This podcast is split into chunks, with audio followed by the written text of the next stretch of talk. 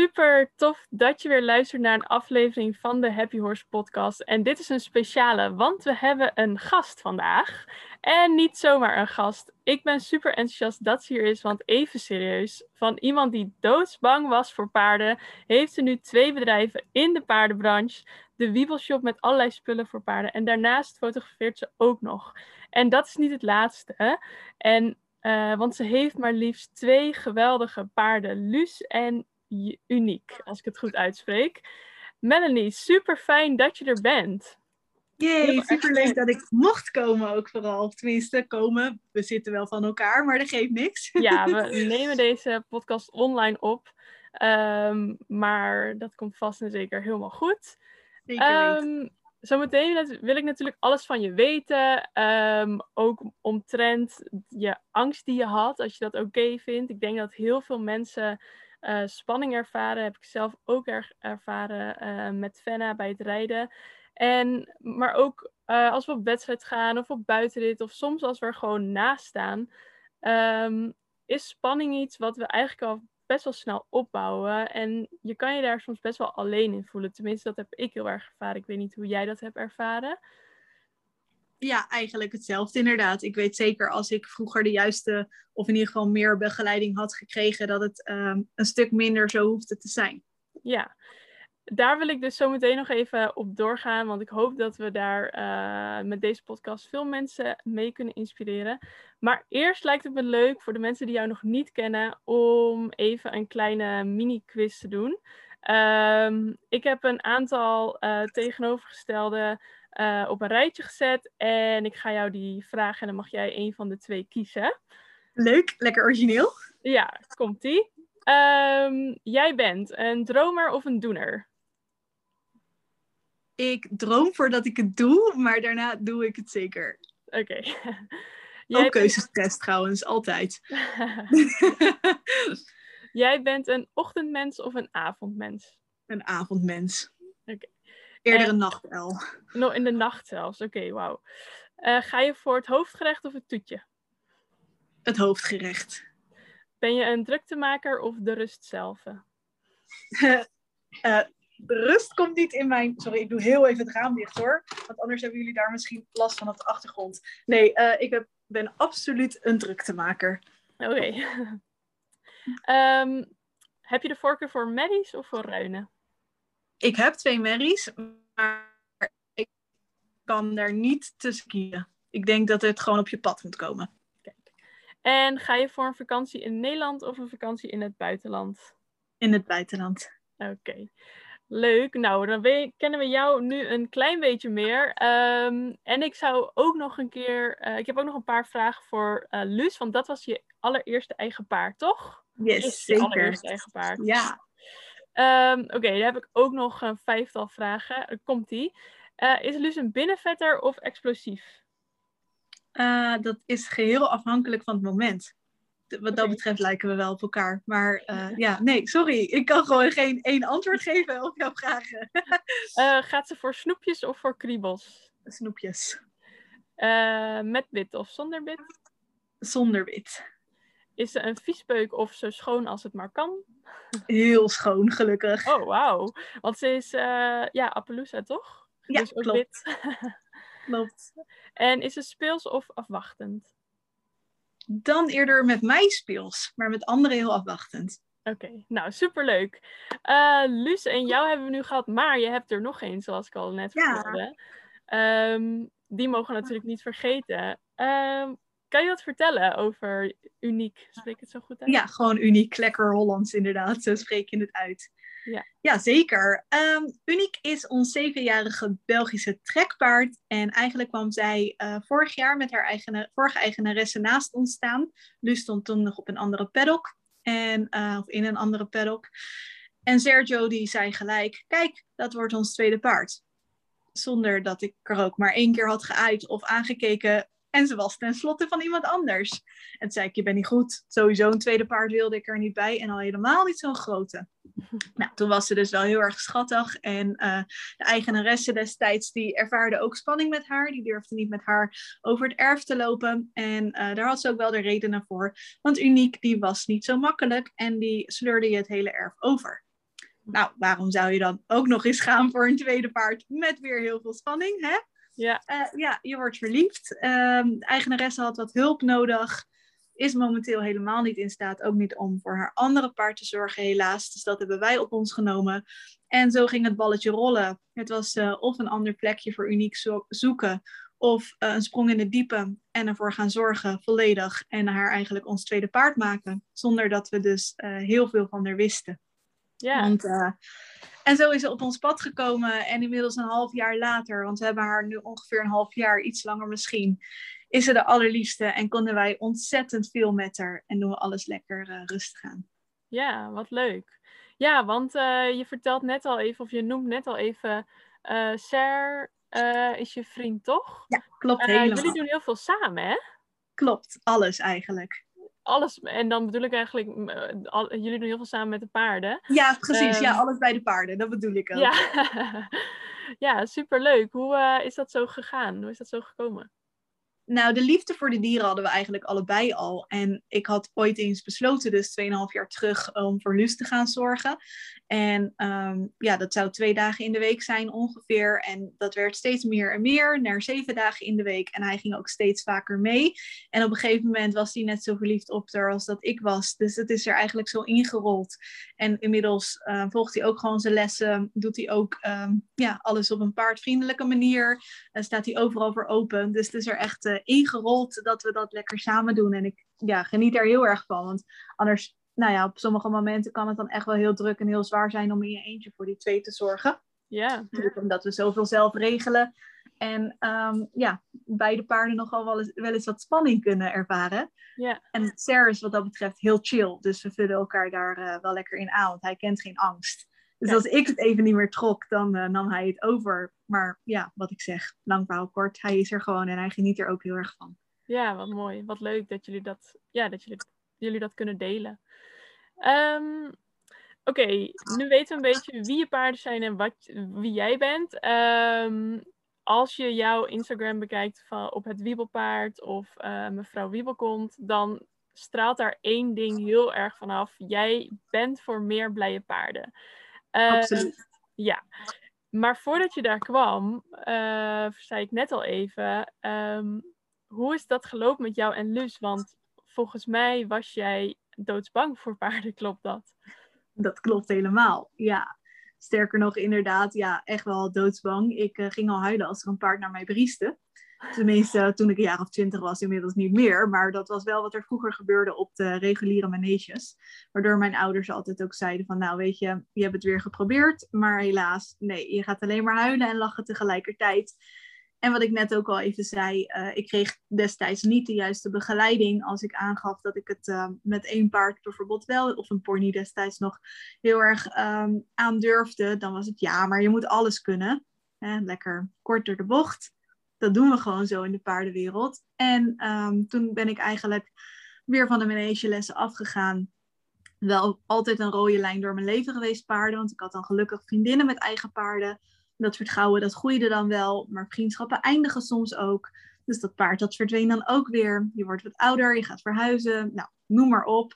Maar de liefde voor paarden, voor het paard op zich, die zat er dus ergens wel. Maar die werd zo gedreven door angst. Totdat ik inmiddels, uh, moet ik het goed zeggen, vier of vijf jaar geleden weer een aantal manegelessen had gevolgd. Toen dacht ik, ja, hier wil ik gewoon meer mee. Maar de manege voelde niet goed. Ik was daar niet op mijn plek om maar gewoon een paard uit zijn stalletje te trekken en voor mij aan het werk te zetten. Ik wilde inderdaad die verbinding terug hebben. Want met de paarden van vriendinnen kon ik het ook. En toen was er een oproepje via een ex-collega van mij dat zij een uh, verzorgster erbij zocht voor Luus. Um, gezocht door de eigenaresse. En de eigenaresse die deed eigenlijk niks met Luus, want die was al wat ouder en die kon niet voor haar zorgen meer. Dus het was uh, aan ons de taak zo is Luus eigenlijk op mijn pad gekomen. Want vanaf het eerste moment dat ik dus ging kijken, want ik dacht, nou, hè, dat, ja, dat, dat durf ik wel. Een beetje poetsen, een beetje, een beetje aaien en uh, een beetje poep scheppen in het land. Dat kan ik wel aan. Ja. En toen ging ik kijken en toen was ik echt uh, meteen verliefd op haar lieve, zachte uitstraling en op haar leuke stippen natuurlijk. Ja. En ja, wat ik net ook zei, dat is gewoon gegroeid en gegroeid. En uiteindelijk stopte die andere meid er ook mee en stond ik er alleen voor. Is er nog een tijdje een andere verzorgster geweest. Maar die uh, kreeg een eigen paard. en Luus voelde al vanaf het moment als mijn eigen paard. Alleen ehm, ja, deelde ik haar soms met anderen. Ja. Tot er op een moment uh, was waarin ik uh, de stoute schoen heb aangetrokken. Want we moesten verhuizen met Luus, want de plek die stopte daar. En ik heb gezegd, ik wil er overnemen voor een symbolisch bedrag. Dat mocht. Daar ben ik nog super dankbaar voor. Ja. En um, ik moest niet schikken, want dat symbolische bedrag was een euro. Dus ik had voor 1 euro mijn eerste eigen paard gekocht. Wauw ik begin helemaal te stralen. De mensen die het luisteren zien het niet, maar ja. het klinkt en het, ja, het voelt zo uh, alsof het bestemd was samen. Nou, precies dat. Dat gevoel heb ik ook echt vanaf het allereerste moment met haar. Want ondanks dat, um, hè, dat dit klinkt natuurlijk allemaal sprookjesachtig. En dat is het. Het is mijn sprookjespaard. Maar het is ook heel hard werken geweest, want het was niet altijd angstloos. Zowel bij mij niet als bij haar niet. En daar werken we nog iedere dag aan met bepaalde nieuwe dingen. Inmiddels zit ik achter ze voren, zit ik bovenop, daar hang ik onder de buik. Dat maakt allemaal niet meer uit. Maar om dat te overwinnen, moet je het wel aangaan. En... Ja, want Oh, sorry. Ja? Nee, geef niks, geef niks. Ik kan ook lekker kletsen, dat weet je. Dus ik ga toch wel door. Maar wat ik zeg, ja, om dat te overwinnen moet je dat wel aangaan. En dat proces hebben we heel veel doorlopen. We hebben heel veel gedaan daarvoor. En natuurlijk is het een sprookje. Het is nog steeds mijn sprookje, dat zal ze altijd zijn. Ja. Het is wel hard werken. Ja, dat, dat geloof ik. Paarden zijn eigenlijk altijd wel hard werken. Tenminste, dat denk ik wel. Dat denk ik. Um, als je even, als je terugkijkt naar dat proces wat jij en Luus hebben doorlopen, hoe ervaarde je die angst? Uh, ja, hoe uitte die angst in het begin? Um, vooral, dat ontstond vooral uh, met onvoorspelbare reacties vanuit haar. Dat ik haar dus aan het borstelen was en er staart aan het uh, uitborstelen was. Nog niet zo heel dichtbij durfde te komen, dat durf ik ook eerlijk toe te geven. En dat ze ergens van schrok want dat hoorden ze in de verte en in één keer wegrende. Toen voelde ik mijn hartslag weer verhogen. En toen dacht ik, oh, dit is dat oude gevoel. Dat oude gevoel wat ik eigenlijk bij haar dus niet ervaarde. Totdat er iets gebeurde waar ik geen controle over had. Daar ben ik later achter gekomen. Zo um, was het eigenlijk vooral als we buiten een stukje gingen wandelen. Dan kwam bij haar spanning omhoog. Dat herkende ik in het begin niet. Ik wist niks van de paardentaal. Ik wist nog net aan hoe ik haar dus vast moest maken aan een halster en haar mee kon nemen. En um, ja, totdat ik dus uh, schriktrainingen ben gaan volgen om te herkennen hè, van goh, hoe ga ik nou met die paardentaal om en hoe kan ik haar daarin ondersteunen in plaats van dat ik me dus laat leiden door die hoge hartslag. Want hè, uiteindelijk wisten we dus dat werkt niet. Als ik bang ben, dan kan ik er niet voor haar zijn, om een vriendin te zijn, om samen iets aan te gaan. Ja. Okay. Uh, ja, dat klinkt uh, heel erg herkenbaar ook wel ik denk uh, dat zodra je die hoge hartslag voelt, moet je daar heel erg bewust van zijn voordat je dat natuurlijk wil doorbreken. Je noemt al dat schriktraining jullie heel erg heeft geholpen. Um, zijn er nog meer dingen um, ja, die jou en Luc daarbij hebben geholpen? Altijd blijven praten. Dus uh, niet om jezelf. Ik zeg altijd: je moet een beetje doen alsof je gek bent. Doe maar alsof er niks, niks is, dan is het er ook niet. Maar vooral ook zeggen uh, hoe trots ik op er ben, dat ik er echt vertrouw. En dat zelf dus ook gaan geloven. Dus net zo lang dat uitspreken totdat je dat ook gelooft. En dat ik mezelf daar ook in vertrouw. Dus op een gegeven moment ging ik gewoon, uh, had ik voor mezelf wat, wat mini-doelen. En eigenlijk werk ik nooit met doelen, want ik leef liever met de dag. En, uh, maar als ik dan had bedacht om naar buiten te gaan, hè, ondanks dat ze die keer daarvoor misschien was geschrokken en weer een beetje terug wilde uh, rennen in een versneld trapje. Dan bedacht ik, oké, als we vandaag tot aan de brug komen, dan is dat stap 1. Dan is dat super knap. En dan ga ik er zo erg belonen en mezelf ook. En nou, dan zijn we blij en dan lopen we terug en dan lopen we er weer een keer naartoe. En eigenlijk doordat ik al met heel veel kleine dingen heel erg blij was, kon er nooit iets fout gaan. Nee. Dus op het moment dat ik wel over durfde te steken, of tot aan het volgende huis durfde te lopen, of de volgende lantaarnpaal, neem maar een punt, dan kon ik alleen maar heel erg trots zijn op zowel haar en mezelf. Zij die dat durfde, ik die haar dat vertrouwen kon geven. En ondertussen op ons allebei dat we dit gewoon weer samen deden. Ja, mooi. Um, ik denk dat doelen stellen. Ik heb het op uh, Happy Horse Academy uh, wel vaak over doelen stellen of over dromen. Ehm, uitspreken. Ehm, ik denk zelf dat doelen stellen inderdaad in kleine stapjes moet, anders, anders uh, brengt alleen maar frustratie.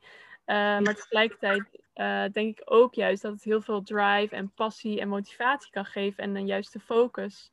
Of om juist bepaalde uh, patronen te doorbreken of bepaalde gewoontes. Um, je zegt nu, ik leef met de dag. Um, heb, je wel, heb je wel nog dromen of doelen stiekem met Luus of met Uniek misschien? Of hoe zie je dat voor je over een aantal jaar? Nou, ik ben het ook absoluut wel met je eens dat een bepaald doel inderdaad of een droom, hè, want ik vind, um, zelf leg ik mezelf, als ik zeg ik heb een doel, dan moet ik dat halen. Maar dat is helemaal niet zo. Ik heb het hele moeten dus losgelaten. Dus in die zin sta ik absoluut achter doelen hebben, maar dan inderdaad meer in dromen. Um, ik zou het heel erg leuk vinden, zo noem ik het dus inderdaad liever, om een keertje met Luus naar het bos te gaan, om daar te wandelen. Of misschien wel ook erbovenop te zitten. Want uh, dat is trouwens iets voor degenen die mij niet kennen en Luus ook niet kennen. Luus is geboren met een aangeboren afwijking in haar rug, een vernauwing. En ze heeft ook een slechtere knie. Dus een rijpaard, daar was ze al lang voor afgekeurd. Maar recht toe, recht aan. En een beetje in balans krijgen, dat uh, is zeker haalbaar nou, als je angst hebt, is dat gewoon niet het eerste waar je aan hoeft te denken. Dus dat scheelt ook weer. Daar, daar hoef je geen doel voor te stellen. Mm. En vervolgens, uh, ja, nu zit ik er dus wel op. Dus ik zou het echt heel tof vinden om gewoon lekker relaxed met haar door het bos heen te wandelen. Voorheen gingen wij, woonden we vlak, woonden we, woonde Luus vlak bij de lek. En dat doen we nu op zich ook nog wel. Maar het is voor haar net te ver wandelen door de stad heen. Waardoor er dus al zoveel spanning kan zijn. Dus ik zou het heel tof vinden om haar relaxed op de trailer te krijgen. Om een kleine 10 minuten te rijden naar de lek om weer door het water heen te spetteren. En met uniek is het vooral haar nog stoerder krijgen. Want wat ik zeg, in het begin rende ze echt het hele erf over, wilde ze niet bij je blijven. En nu kan ik haar vanuit het land, zelfs vandaag als primeurtje, dat ze ook echt op me afkwam, helemaal naar voren op het land uit zichzelf. En kan ik haar gewoon los meenemen naar de paddock. En dat is toch wel, ja, dat zijn de doelen die ik met haar heb. Dat ja. zij lukt vertrouwen dat het allemaal goed is. Ja. ja, ik hoor ook heel erg.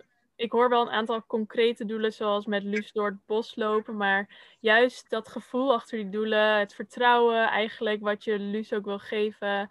Uh, om met de trailer op pad te gaan en wat je uniek uh, mee wil geven om stoerder te worden. Dat zijn natuurlijk hele mooie uh, gevoelsdoelen eigenlijk. Uh, dat speelt ook heel erg in op je gevoel. En daar kan je, maakt eigenlijk niet uit wat je dan doet. Of je op de trailer gaat, of uh, een rondje wandelt, of een crosswedstrijd rijdt.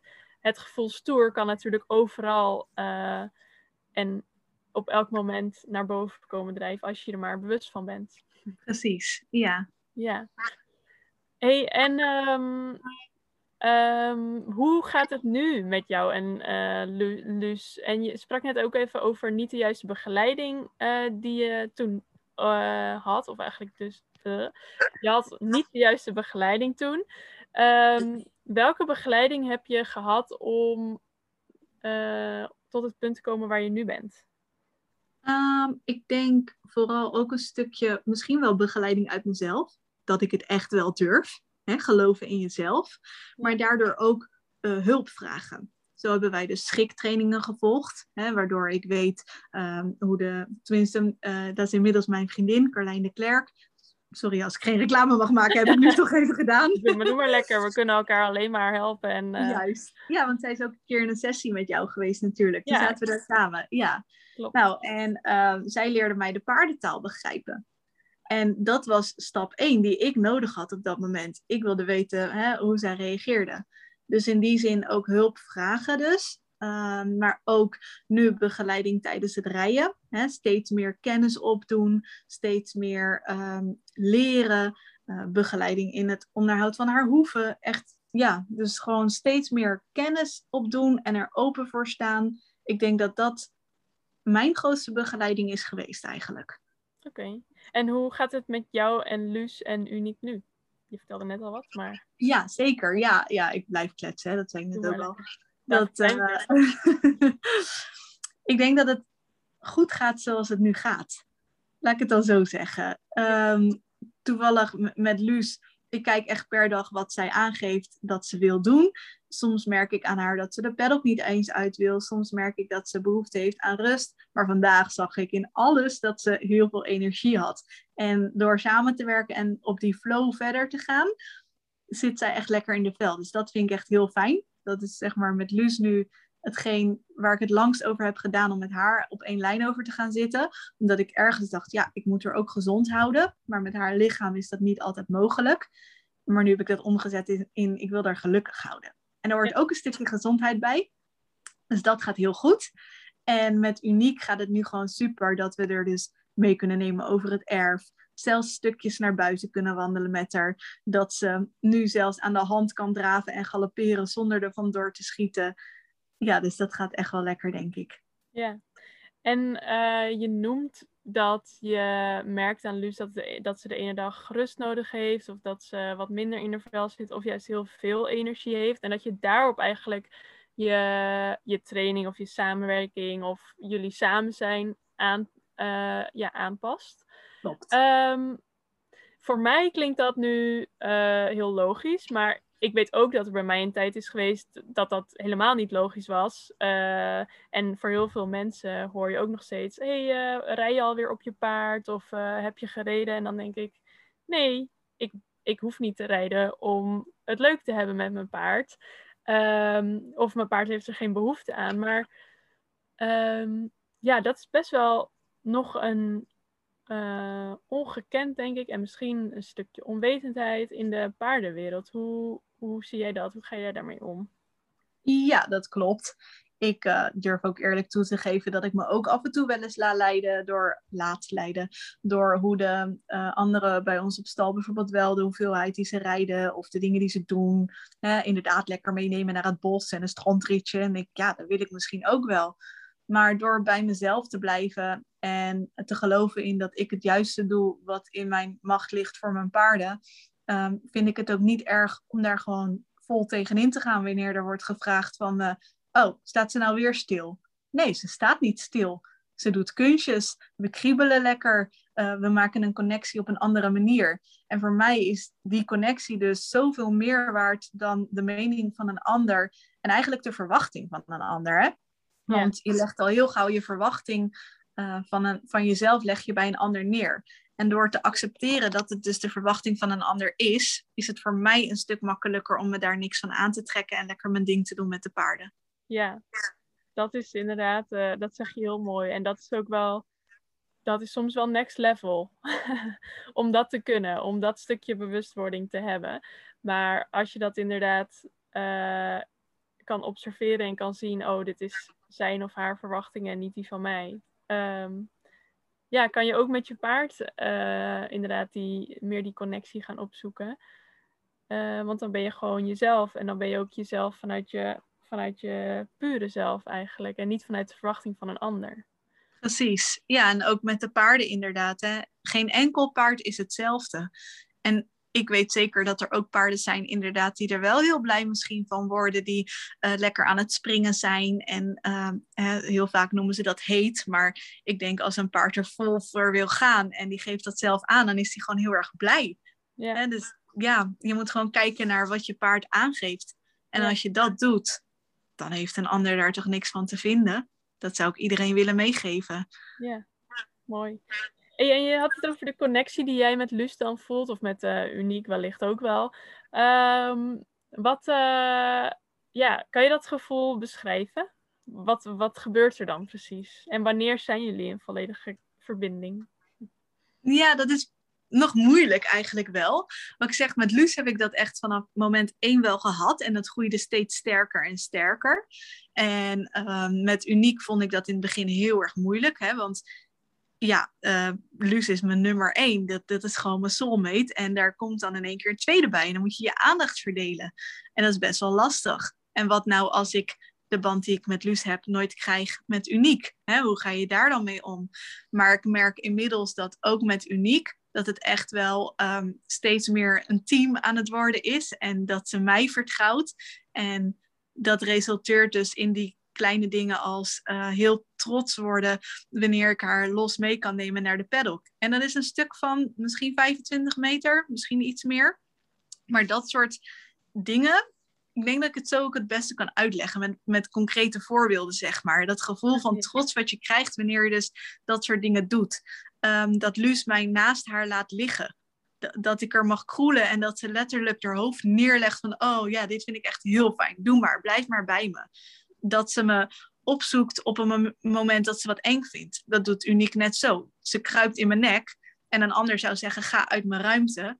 Maar ik blijf liever dan dichtbij, zodat ik kan helpen en dat ik dus merk dat ze me nodig heeft.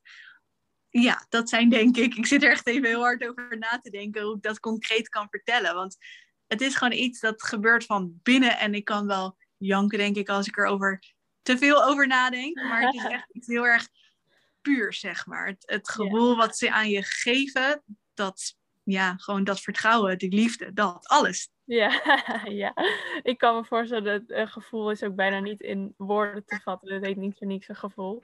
Precies. Uh, maar uh, mooi ge, wel mooi verwoord alsnog. ik denk dat uh, vast herkenbare punten tussen zitten voor mensen. Um, maar vertel even, je hebt gewoon twee bedrijven of zijn het ondertussen al drie? Ik uh, raak bijna de tel kwijt, want je bent zo lekker bezig in het paardenland voor al die blije paarden. Uh, vertel, je hebt de, de Wiebelshop.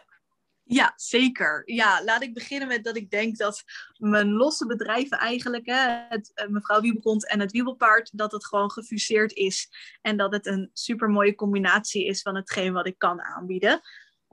Ik uh, ben begonnen met fotograferen. Ja. Nu staat dat even op een iets lager pitje, omdat dus de webshop inderdaad uit de hand is gelopen en dat we er zo ontzettend druk mee hebben. Zo druk dat we live shopdagen gaan, uh, of zijn gaan organiseren. En zelfs dat zit bijna ieder weekend uh, vol geboekt. En daarin de rust bewaren is trouwens heel belangrijk. Dus ook daar uh, probeer ik niet ieder weekend vol te plannen, al zou dat wel kunnen. En um, daarbij volg ik nog een opleiding tot ruitercoach, zodat ik net als jou, maar dan op een net andere manier denken we, um, gewoon mensen kan ondersteunen in die band met een paard. Hè? Want ik weet hoe het is om bang te zijn. Ja. Maar het gaat ontzettend lekker. Met de Wiebelshop um, is mijn missie echt meer blije paarden. Het begon met een flexievoerbal en inmiddels hebben we zoveel artikelen dat ik de prijzen niet meer uit mijn hoofd weet. dat ik er een lijstje bij moet houden wat ik zeg, uh, we hebben een caravan aangekocht en die zijn we aan het verbouwen tot een rijdende winkel. Ja. Tot die tijd doen we het dus met, uh, met gezellige fruitkistjes. Gaan we op pad, zetten we een stand op en kan je een leuke shopdag hebben. En er ligt nog zoveel meer klaar eigenlijk. Ja. Gewoon. We zijn nog lang niet uitgegroeid. En het is bizar om te zien en te voelen en te ervaren wat er binnen een half jaar tijd kan gebeuren. Ja, cool. Um, ik zou nog heel lang met je hierover door kunnen praten, maar de meeste mensen die hier naar luisteren zijn volgens mij geen ondernemer. um, dus uh, dat doen we gewoon een andere keer. Ja, maar, zeker. Um, wa wat ik wel, waar ik wel even benieuwd naar ben, uh, als ondernemer uh, en als mens en als paarden, paarden liefhebber, als eigenaar.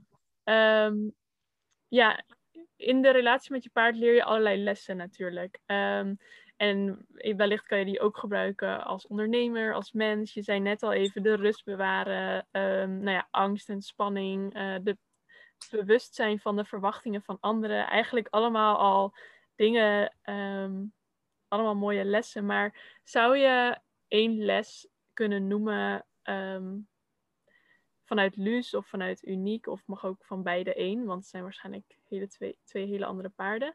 Um, ja, die jou uh, elke dag helpen. Nou, wat je zegt zijn twee hele andere paarden. Dat is eigenlijk wel grappig, want ze vullen elkaar heel mooi aan op een bepaalde manier. En um, ze lijken dus in zekere zin ook weer heel erg op elkaar. Okay. Allebei een tikkeltje eigenwijs soms, zeg maar. En ik noem dat eigenwijs, maar ik hou helemaal niet van stereotyperend uh, stickertjes plakken op paarden. Maar ik kan zelf ook drie keer iets op een andere manier proberen. Terwijl ik donders goed weet dat als ik gewoon het ene probeer, dat het dan ook gewoon lukt. Hm. Maar ik denk dat daarin um, het nieuwsgierige, blijf altijd nieuwsgierig. En blijf altijd trouw aan jezelf. Dat dat de lessen zijn die ze mij leren. En dat is inderdaad zowel als in, in het leven als in het ondernemen. Uh, blijf geloven in wat je doet. Blijf nieuwsgierig. Blijf nieuwe dingen proberen. En dat doen de paarden ook. En dat Ja. is heel mooi. Ja, leuk, mooi. Ehm, ja, ik denk dat we een beetje aan het einde van eh, ons gesprek komen, voor nu in ieder geval.